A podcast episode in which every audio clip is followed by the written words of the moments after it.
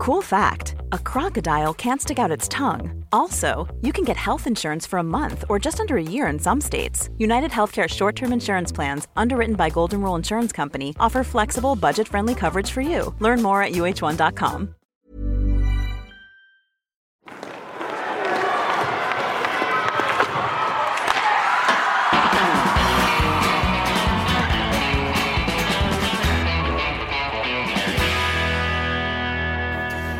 Då hälsar jag välkommen till ytterligare ett bonusavsnitt av Hockeystudion.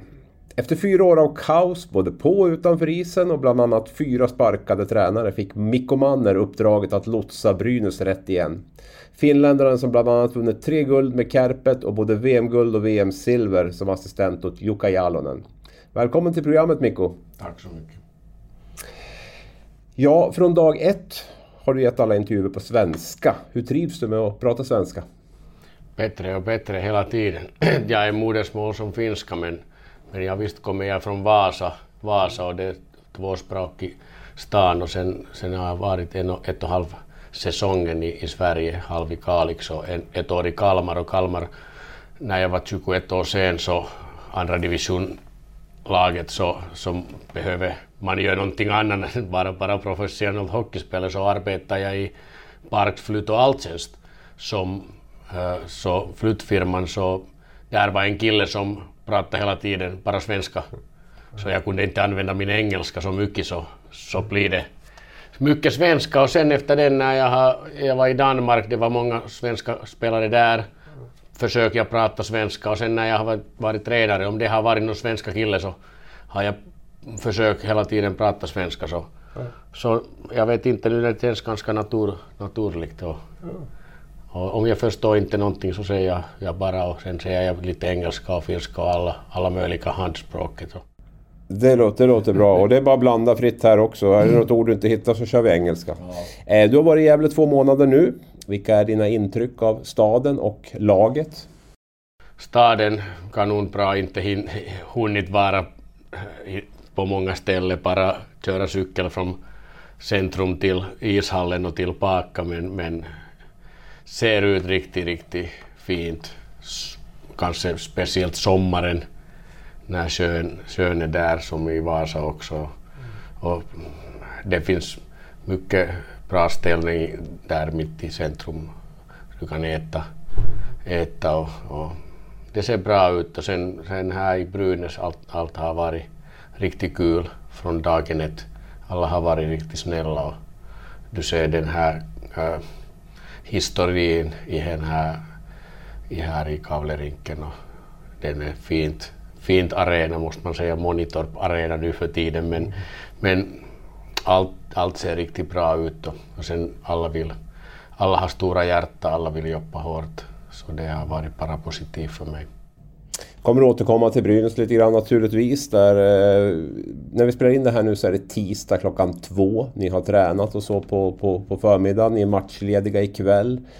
Vad gör du en sån eftermiddag kväll när det inte är matcher och det mesta av träningen är avklarad?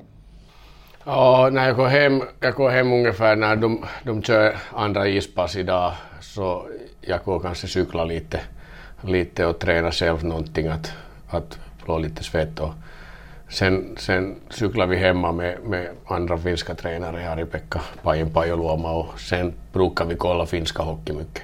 Mm. Så jag går hem och kollar idag blir det riktigt spännande matcher det blir Champions Hockey League och alla svenska lagen som vi har mött, Växjö, äh, Frölunda, Skellefteå, de ska möta finska lagen så IFK ska spela hemma mot Frölunda och TPS ska spela mot Växjö och Skellefteå hemma mot Tappara. Så det blir en riktigt, riktigt intressant att se hur det ser ut. Finska lagen, de toppar svenska lagen idag. Handen, handen på hjärtat då, hur många finländska tränare är det som har hört av sig till dig och vill ha lite scoutrapporter på Växjö, Frölunda och Skellefteå? Det, det här är konstigt. Ingen. Målvakt, en målvaktstränare ringde åt mig att fråga lite om powerplay men ingen annan har, har, har ringat. Jag har bara väntat. Varför ringer de inte för mig? Vi har mötet dem. Men de har inte ringat. Men det, alla har egen, alla har egen eh, system eller, eller sätt, sätta sig färdig på matchen. Ja visst, de har kanske studerat själv från video motståndarnas spel och scoutat lite så. Men inte, inte ringat åt mig. Är det lite så i hockeyvärlden att man inte riktigt tar hjälp av varandra och att, man är lite, att det är lite prestige i det där att man ska klara av saker själv? Eller hur, hur upplever du det? Mm, jag vet inte, om vi spelar i internligan, jag visst man inte pratar om så mycket om, om hemligheterna eller sådana. Det, vi lite respektera mer om varandra. Att om vi ska möta ert lag nästa vecka så jag vill inte fråga att, varför spelar ni så och så och så.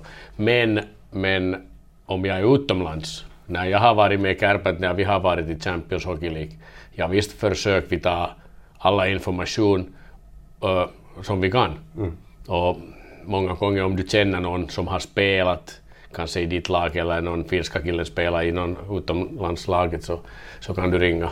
Jag, jag tycker gärna ta information. Och sen, men sen allmänt om man, om man tänker och jag tror vi, vi skulle göra mycket mera samarbete tränarna. Mm. Speciellt in i egen land. Så om du kollar nu NHL, de håller webinars varje år. NHL Coaching Association så de har mycket webbinar. De delar information. Vi delar inte, jag vet inte varför. Kanske vi tänker att det är bort från, från mig om du säger någonting att, taktiska eller så. Men jag, den förstår jag när vi i, i säsongen när vi möter varandra behöver du inte så säga att det, det måste vara också lite hemlighet. Jag tänkte vi skulle börja från början. Alldeles från början faktiskt. Eh, hur var du som barn? Jag tror jag var ganska, ganska socialt, ganska glad. Uh, min eh, pappa var hårt, eh, jobbade hårt, gjorde allt, allt för att familjen hade bra livet. Han var mycket på resan, han jobbade i ABB och sen fick han vara med och eh, bygga upp företag som hette Vasa Engineering som blir sen Vakon som och efter nu han har byggt upp en egen företag, heter Brohok så han har alltid varit riktigt, riktigt hårt arbetsman. Sen har han byggt alla husen, alla sommarhusen, allt möjligt. Och, och, därifrån, och han har krävt mycket från, från, från oss som barnen och hans kärlek var mera att, att kärleken kommer sen, sen när, när vi, är, vi var vuxna började vi, började vi förstå att att han, han var kanske lite såna 50-talandes född människor efter kriget att det är hårt jobb och, och barnen måste vara tysta och mamman måste ta hand om barnen och, och, och familjen och, och mannen tar hand om liksom arbeten och, och pengarna och sånt.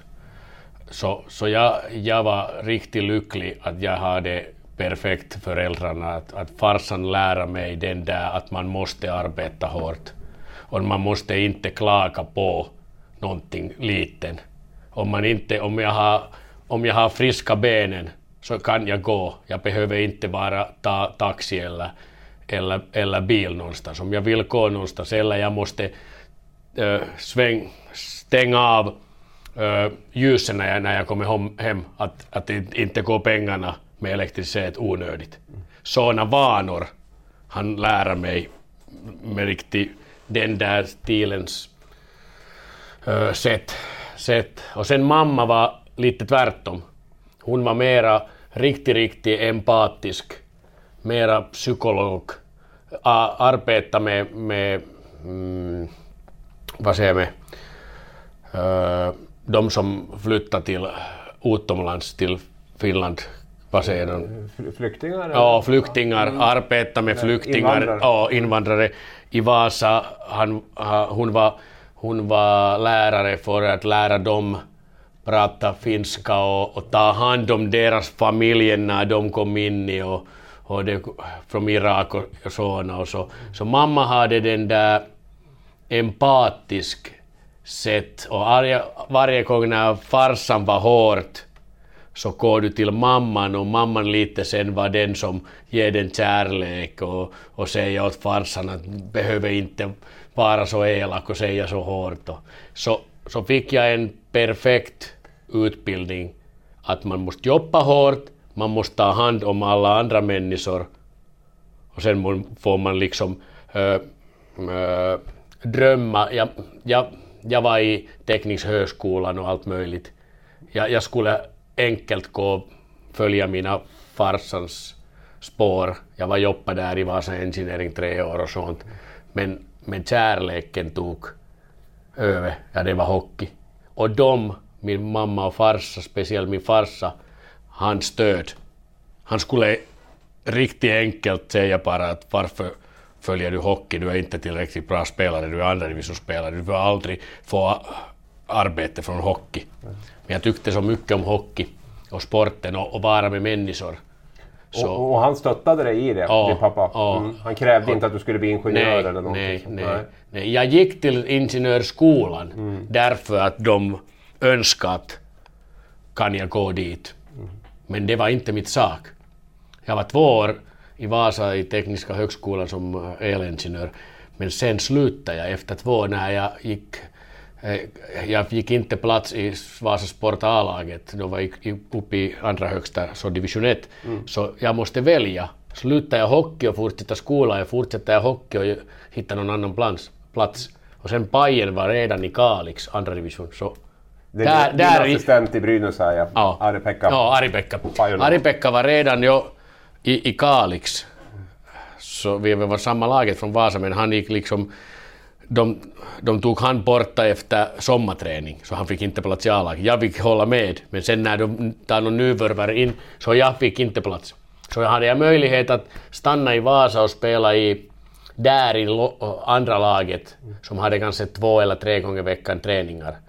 Eller gå till Kalix när de hade varje gång träningar, de kämpade hårt och det var liksom du var liksom importspelare där. Mm. Så där gjorde jag beslut att, att, att hockeyn tog över. Mm. Och sen den där resan jag har varit nu efter, efter den. Mm. Jag har arbetat mycket, jag har jobbat, liksom du vet att när du är andra divisionnivå spelare så får du inte så mycket pengar, så måste du jobba. Så därför jag är tacksam för farsan att jag har jobbat varje sommar en olika platserna, olika kompani i företagen i Vasa med den där industrin, för elindustrin mera. Men, men, men jag har fått fortsätta i hockey. Mm. Att, Ja, din, din, om man tittar på din spelarkarriär då, så kan man väl säga att du, du nådde liksom aldrig den högsta nationella nivån utan du, du, spelade i första divisionen. Du var i Danmark en säsong i deras högsta liga, ett par säsonger i Sverige i division 1. Division 2 till och med. Ja, Kalmar och, eh, och Kalix då, som du var inne på där. Hur, hur var du som spelare? Uh, jag var som, som, spelare när jag, jag är 74 född. Mm. Så jag har varit 20 94. Så när jag var ung i Vasa, vi hade bra kultur, bollsportkultur. Jag, jag spelade allt möjligt. Jag spelade ishockey, fotboll, finska boboll. Det, äh, bara i Finland spelar man det. Mm. Det är bättre version av baseball. Mm. Det är riktigt bra spel. Mm. Jag har försökt lära den lite för här andra tränare men de bara skrattade. Men det är faktiskt bara spel. Så jag spelade allt möjligt. Jag tyckte spela. Jag hade riktigt bra spelöga. Och, och jag hade bra arbetsmålare. Jag var lagspelare alltid. Jag tyckte alltid att, att visa var alla andra måste vara. Och jag hade bra inställning. Men den där tiden, 90 ungefär någonting, vi hade ingen kunskap att hur ska man jobba att man får bättre skridskoåkning, fysik och sen vad ska man äta. Så många, jag var inte den, äh, min talent var inte fysisk. Jag var inte 100 över, jag var 177, jag var inte liksom naturligt snabb. Jag, må, jag, jag måste jobba hårt, så jag, jag blir lite diesel. Vet du vad jag menar? Ja, jag, jag, var riktigt bra i när vi hade testat att ringa någon 3000 meter eller maraton eller, mm. eller sån. Mm. Men jag var inte, till, jag var inte uh, så stark och så snabb. Och den där tiden, ishockey, hur spelar man ishockey? Man spelar ishockey 90-talet, y- slutet i 90-talet, man spelar mera fysisk. Spelarna var lite starkare, du fick ha mycket hooking och interference och sånt. Så jag var inte, inte så, så stark. Och sen när de ändrade de reglerna 2000, kanske 6, att du får inte hooka, att du måste passa bättre. Det skulle vara mitt spel. Jag var bra att liksom spela tillsammans men inte spela ensam. Och, och 90-talet, början i 2000, sista året, vi tränade inte så mycket taktik. Vi hade ingen liksom att okej okay, du ska gå dit och dit och dit och dit. Det var bara mer att kämpa hårt och tränarna var också ganska lite att, att om du förlorar, du hade dålig attityd och, och sånt. Att, att det var, de var ganska auktoritärisk. Så sen om du var inte snabbast och gjorde misstag så många gånger, det, det var ditt fel att du spelar inte djuppuckarna så får du inte spela nästa dag. Sen jag var också ganska högtalande. Så, Du sa vad du tyckte och tänkte. Ja, jag, sen, jag, var, jag skrattade och var mycket med, med pojkarna hela tiden så det kan också vara irriterande någon tränare också. Att.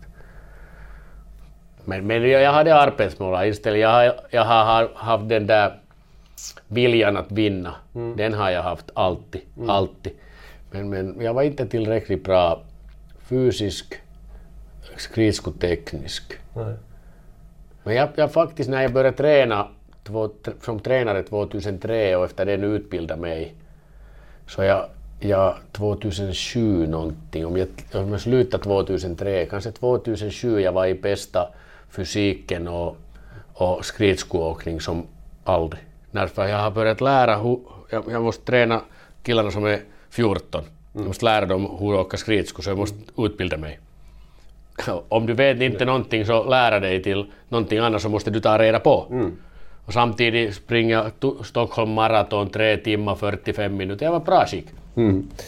Ja, alltså tj- 2003 där då. Du avslutade med några säsonger i Vasa i sport. Eh, Mestis då, andra divisionen där i... Eh, och då, men 2003 då eh, gick du direkt egentligen från att vara spelare till att bli assisterande tränare.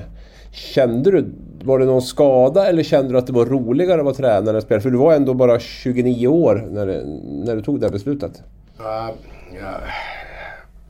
Jag fick inte den sista åren, att känna jag att jag, jag hittade inte den där känslan att jag, jag älskar det spelet, jag får inte spela så mycket och, och tränare inte var, kanske inte tyckte om mig, mitt stil så mycket. Och, men jag hade bestämt redan i Kalmar att, att jag ska börja som tränare. Jag var där kapten och många gånger den där tränaren som var där frågade mycket om mig. Vad ska vi göra Mikko? Hur ska du, vad ska vi spela taktik och sånt. Så jag bestämde redan där att när jag slutar mina, så jag vill bli tränare. Och varför jag vill bli tränare? Därför att jag älskar hockey, men jag sa det för mig att tränare behöver inte vara över 180 centimeter. Tränare behöver inte vara snabb.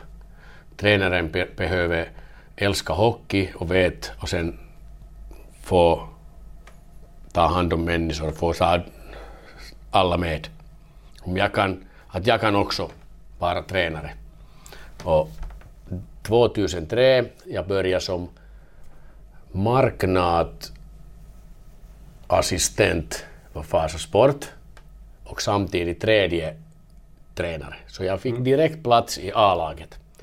Därför att jag sa det att jag vill, jag vill liksom arbeta, att jag kan arbeta för mina, mina pengar, att jag kan gå runt i Vasa och försöka få nya sponsorer. Så jag cyklar runt Vasa och försökt m- sälja säsongkorten och allt möjliga reklamer. Och samtidigt fick jag vara tredje tränare som, som står där på, som konen och sätta puckarna på plats A till plats B.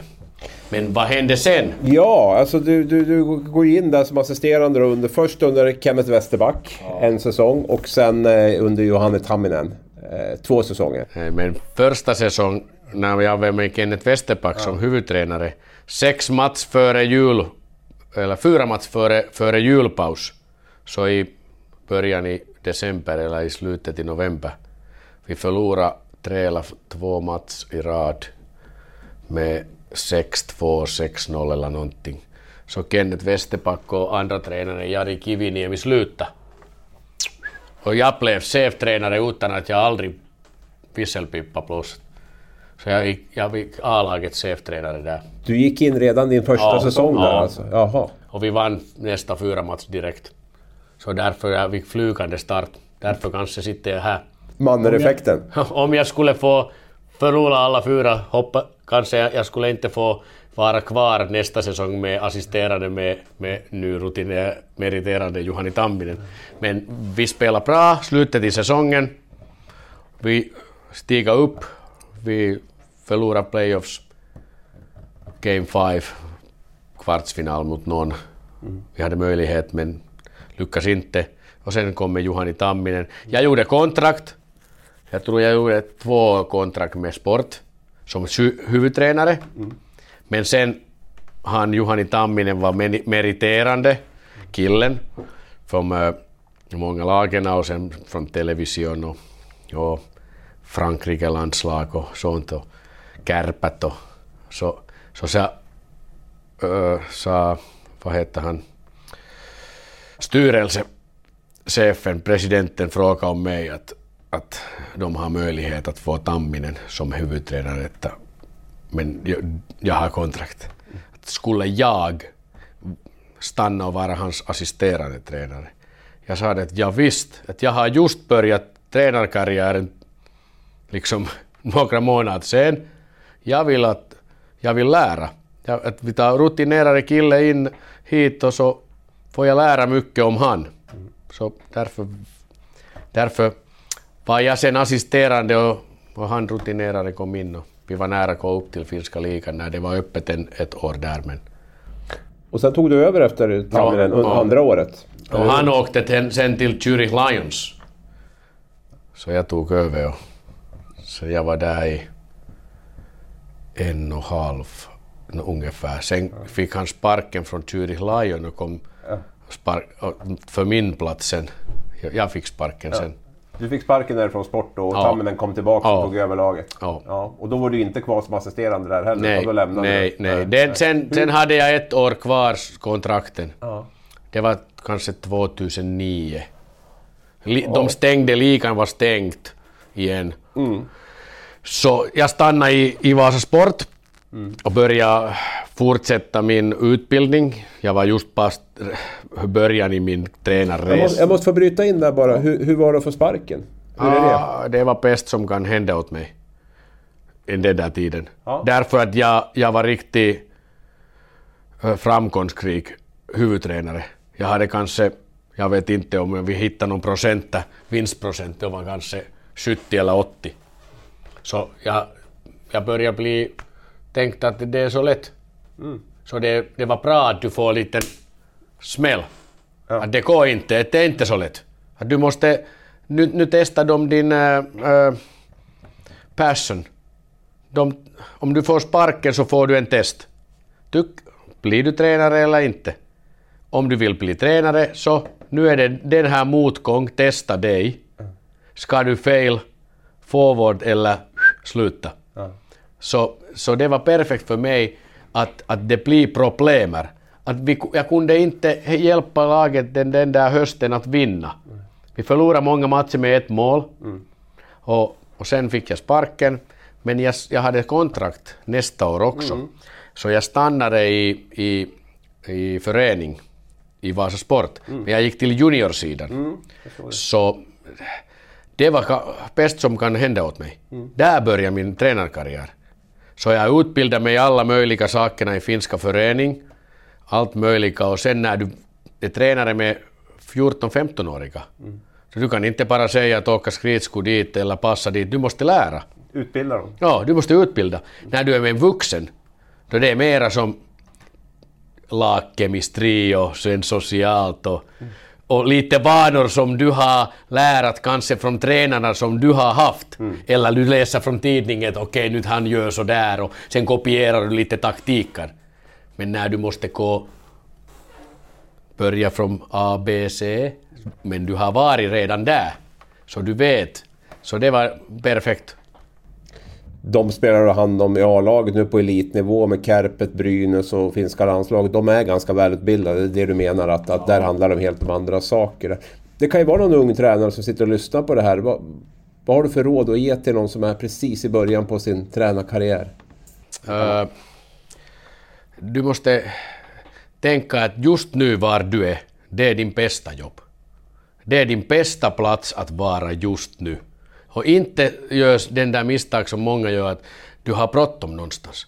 Att du tänker att okej, okay, nu ett år jag är här, nästa år sen, jag är med lite äldre och sen efter, efter den år kanske jag får sen vara redan med professionell. Sen blir det blir inte så. Du måste älska den där momentum när du är och försök där lära och vara lite bättre version av dig själv hela tiden. Och många gånger de ungdomstiderna äh, hjälpa dig att hitta din egen filosofi, hitta din egen äh, väg eller hur, hur ska du din laget spela taktiskt, hur ska du planera hela säsongen, hur ska du ta hand om allt möjligt när du måste många gånger göra nästan Hey, I'm Ryan Reynolds. Recently, I asked Mint Mobile's legal team if big wireless companies are allowed to raise prices due to inflation. They said yes. And then when I asked if raising prices technically violates those onerous two-year contracts, they said, "What the f*** are you talking about? You insane Hollywood ass."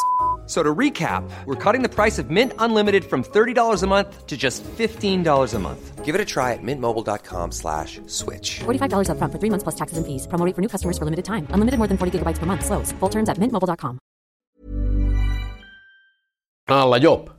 Du måste vara lite... Ta, ta hand mental, ta hand fysiken, ta hand tekniken, allt möjligt. Sen när du blir professionell till här nivå så har du assisterande som, som är professionellt i någon enskilda område. Men där måste du ju allt så du lär mycket den helheten. Och den där, därför det är så viktigt, men många tappar tålamod.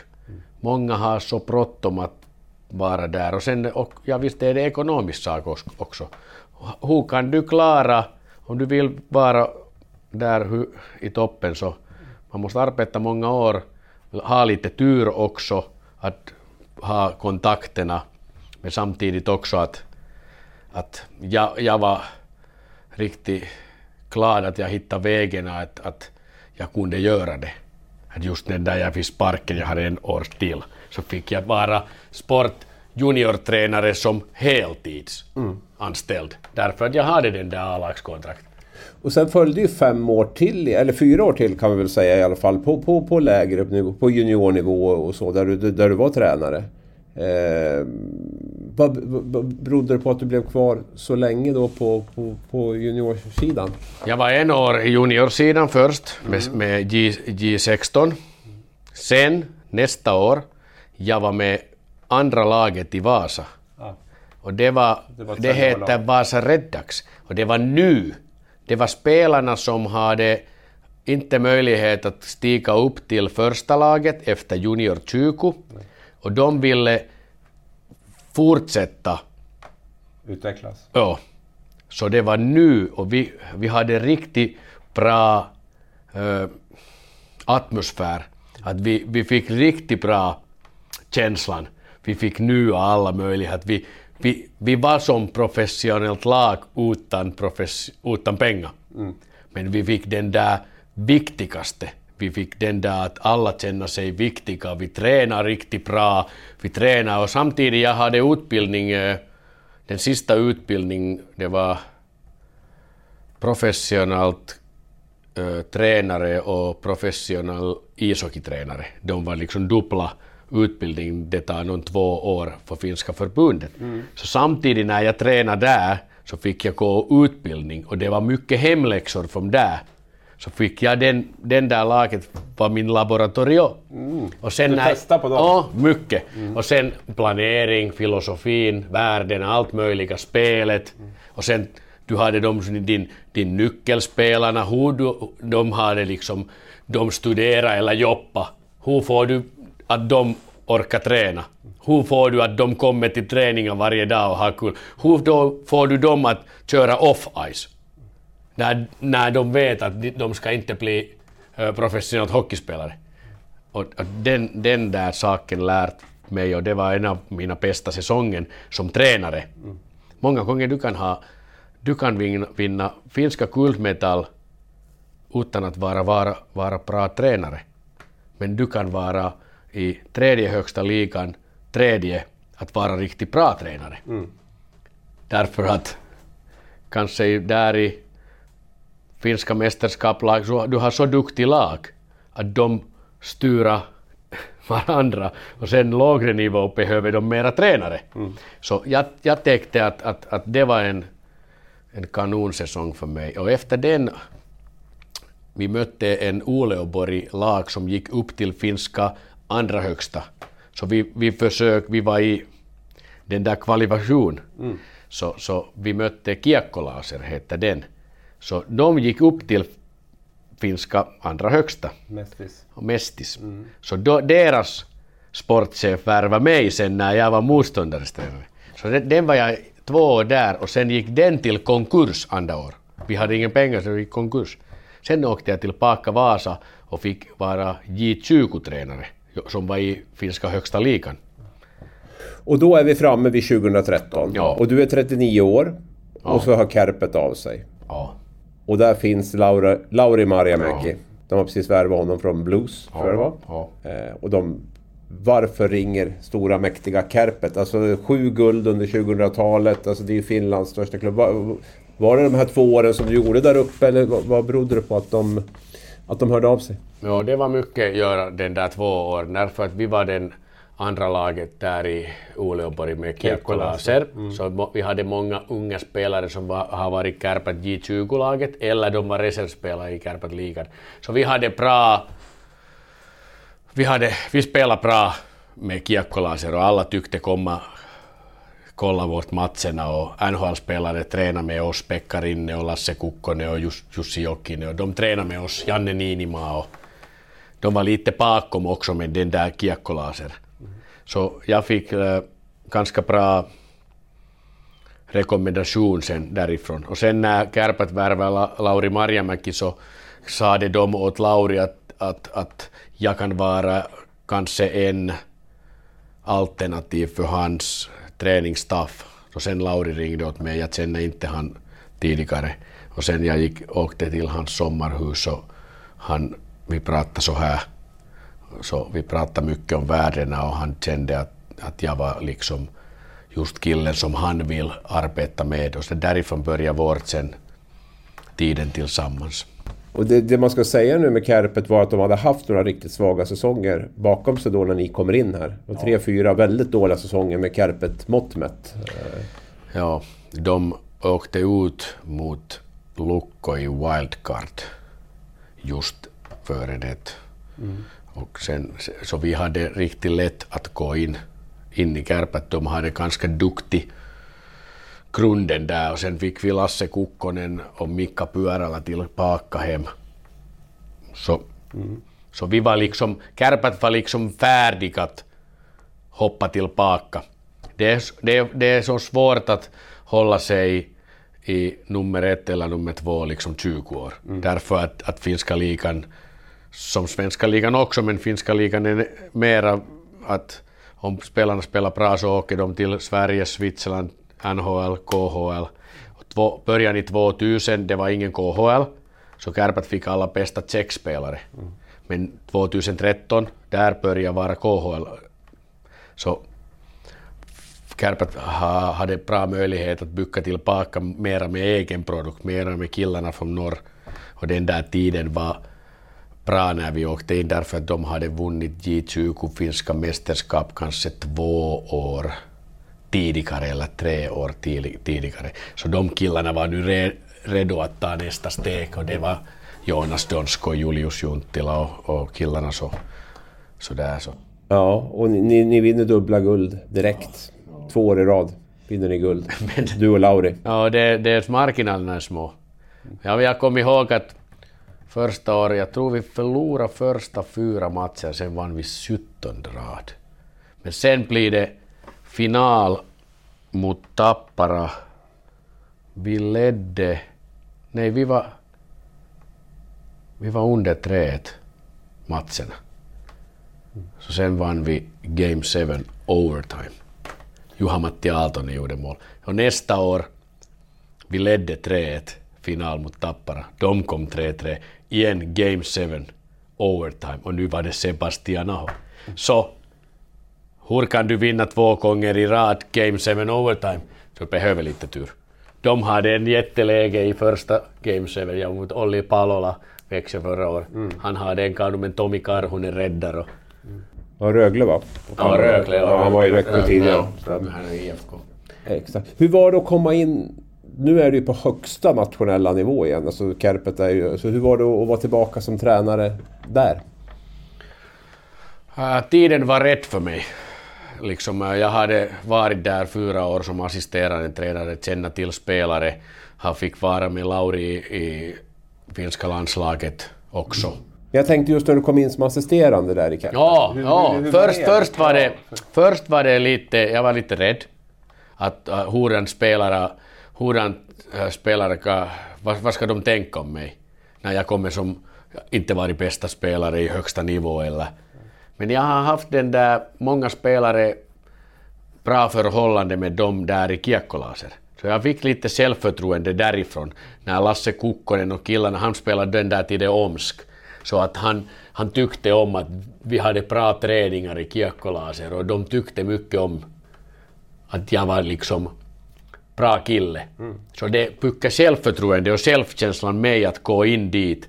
Och sen, sen, vad kan du vara? Du kan vara bara dig själv. Någon, någon klokare har sagt att, att det är bättre att ta den där rollen att vara bara dig själv. Alla andra rollerna är upptagen. Så jag var bara mig själv. Jag var bara mig själv och Lauri också, hans Marjamäkis storhet var den där att han, han tog mig in dit därför att han behöver kille som är, som är färdig att göra någonting liksom dum. Göra sig att alla kan skratta.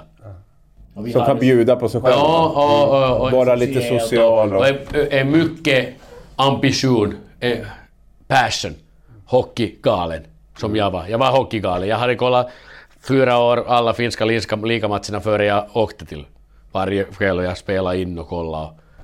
Så, så, så, så han tog olika personer i träningsstaffen. Han tog Toni Sihvonen som är kvar nu, som var duktig spelare, som är mera tyst. Sen jag tog in mig, som hade inte så stora spelarkarriär. La- Lauri hade inte heller spelarkarriär. Så vi var lite likadant.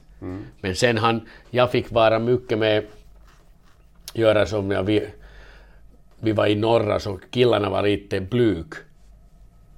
Så, så vi måste göra någonting att de liksom öppnar sig. Att vi, vi, vi trodde att, att du, du kan spela bättre om du kan, du kan du vågar vara autentik eller hur säger man på isen. Så vi, jag måste göra, jag, jag, jag, jag tror det var någon NHL-dokument, de första dokumenten som vi såg i NHL internet, när de hade någon straff, strafftävling och sen, sen förloraren fick hålla någon mössa eller någonting. Så vi, vi kom, kom på såna Mambas Monday, mitt nickname var Mamba. Och, och Mambas Monday, så varje måndag måste jag ha en tävling för laget. Och förlorare eller förloring femman eller någonting, de måste göra någonting dumt. Så sen, jag, jag gjorde den där tre år, varje måndag. Allt möjliga, allt möjliga. Vi, vi hade, vi, vi flyga många gånger från Muleåborg och vi hade matchen någonstans tisdag, bortamatch. Så flyga vi måndag eftermiddag. Så hade vi barnens leksaker med och konstiga grejer på att förlorare måste klära sig och det var liksom skoj. Alla var, det var liksom team spirit. Ja. Så, så Och det där var du Ja, huvudansvarig jag, jag, för. var, jag, var, jag, jag måste vara lite den där, hur man, stand-up komikers rollen. Men det var viktigt att, att Ja. också, och jag assisterar en, som assisterande tränare, du är lite närmare spelarna som huvudtränare. Spelarna lite, du är mera lite som att hur mår du? Och de lite öppnas mera om, om det och jag, jag var i perfekt rollen den där tiden för dem. Ja. Vi kan väl sätta in lite perspektiv. Om man säger Kärpet är ju motsvarar ungefär Luleå då kan vi säga i Sverige rent geografiskt. Då. Ja. Vasa som du kommer från är ju Umeå ungefär. Så Ja. det är ju en flytt på en 20-30 mil uppåt Ja. där. Ehm, och sen blir det... Lauri är där, Marjamäki är där tre säsonger och lämnar efter det för att eh, ta över eh, för, för, bli förbundskapten. Ja. Istället kommer Kai Suikanen in där eh, en säsong men det blir inget bra. Och Nej, resultatmässigt. Det var lite för, för stu, stora förändring i kultur. Kaitsu är riktigt duktig tränare. Han har vunnit finska mästerskap med TPS och silver med Pelicans. Han är O- Oulu Kärpät äh, före detta spelare, legenden. Men han var helt annorlunda än Lauri Marjamäki. Vi spelade riktigt disciplinerat hockey och han var lite mer så att let's go. Så därför kanske kulturchocken var lite för stora och vi lyckades inte spela så bra som möjligt. Året efter får du ta över då. Ja. Jag, jag, Var du framme vid din dröm då på något sätt eller? jag, jag har aldrig haft... Jag har inte tänkt så mycket att vad ska jag bli. Jag har liksom hela tiden tänkt att just nu var det är bästa vad kan hända åt mig. Men jag visste när frågan var sen, när de frågade att, att jag har möjlighet, så jag, jag tänkte att jag är färdig. Men jag gjorde kontrakt. Ett plus två varva ö, sista i december var det den där option att båda hållet kan säga sig bort. För år två då, då kan man säga. Efter, efter, så efter, efter, halv, efter Halva första säsong. Om jag skulle inte vara bra huvudtränare. Jag skulle, ö, de skulle säga att vi fortsätter inte. Och jag skulle vara riktigt enkelt och billig för dem. Men varför gjorde jag så?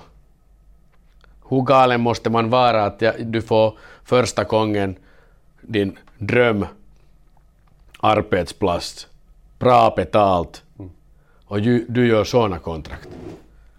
Alla tränare gör va, ö, minimum två år, att de vet att de får två år lön.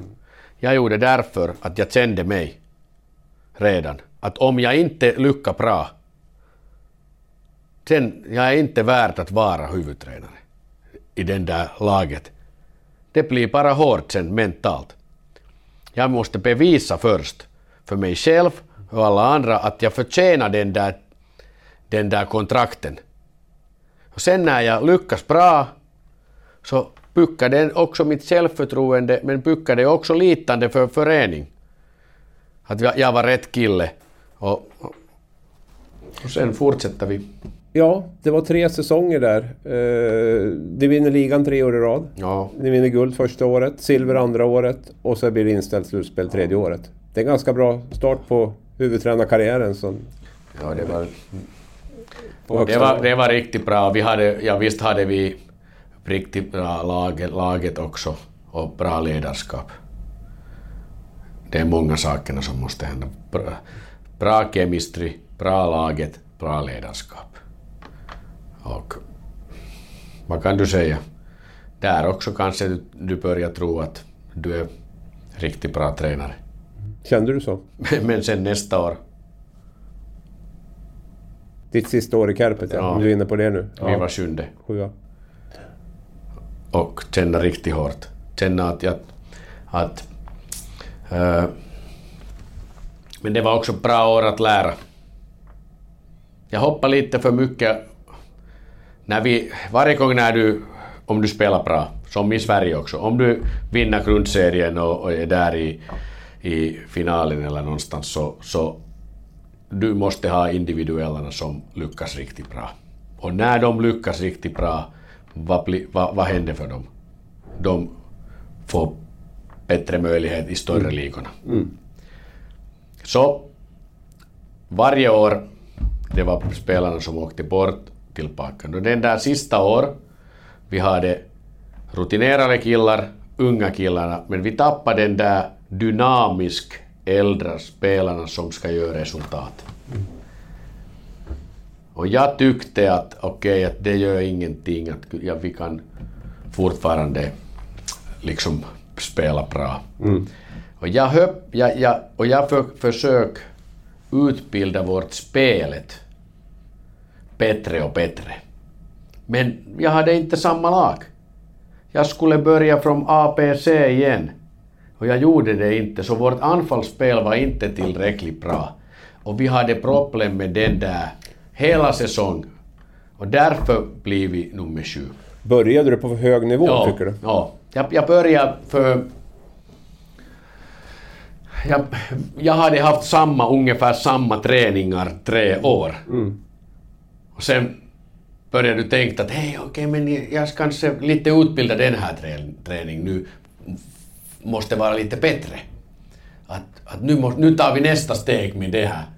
Men, men det var ny lag.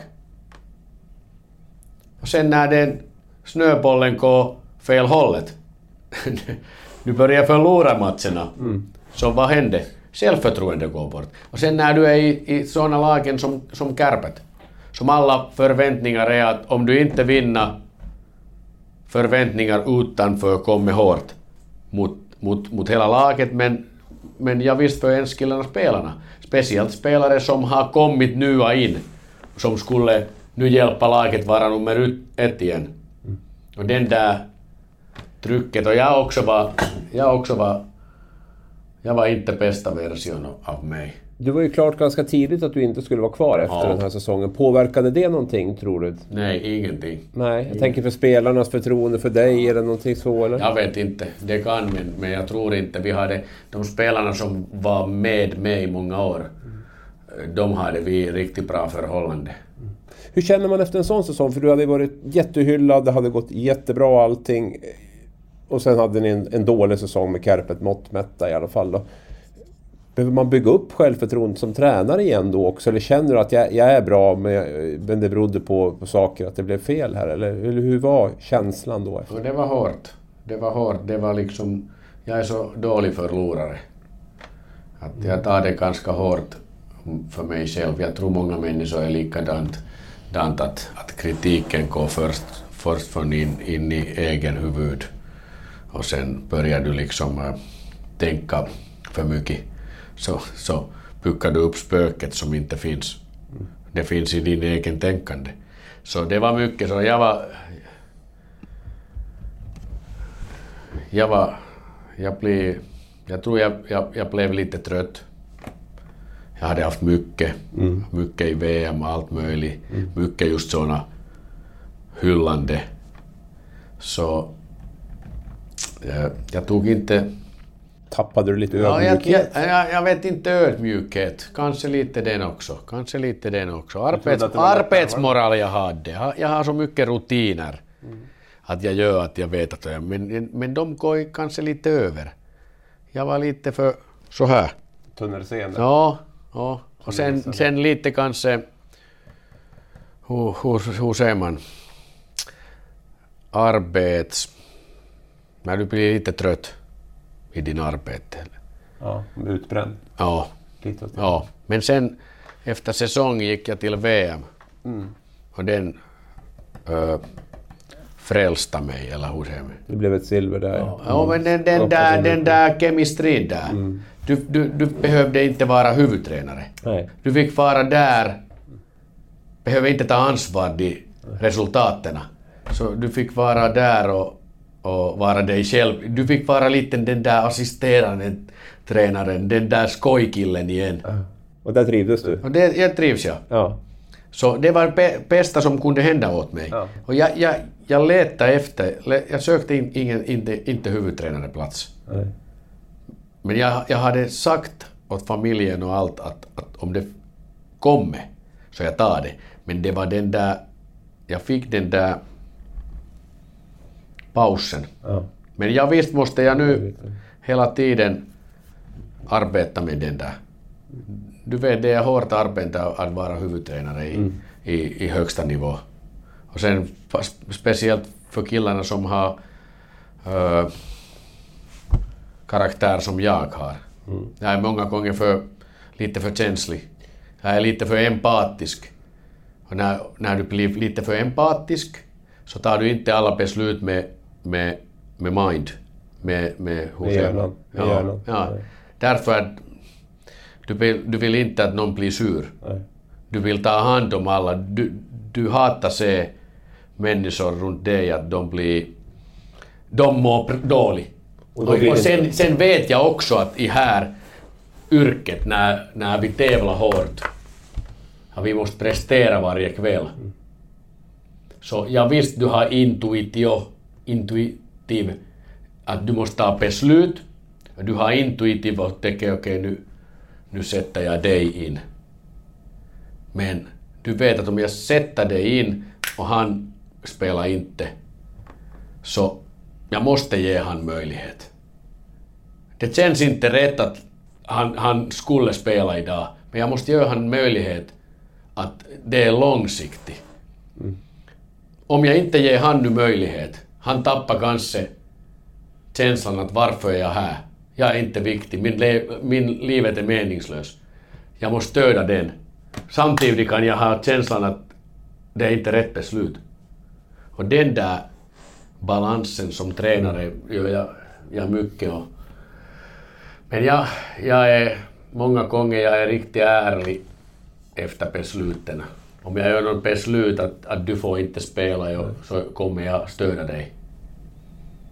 Och sen, sen också säger jag åt spelarna om, om jag tänker att jag gör misstag så lyfter jag upp handen. Men, men det är svårt någon gång. Någon gång tänker jag att jag skulle vara mera såna som har ingen känslor. Det skulle vara lättare att vara tränare som inte ty, tycker empatiskt att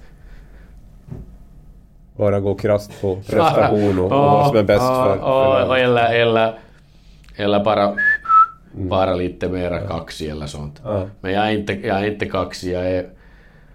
Jag är men jag är, för- jag är dålig förlorare.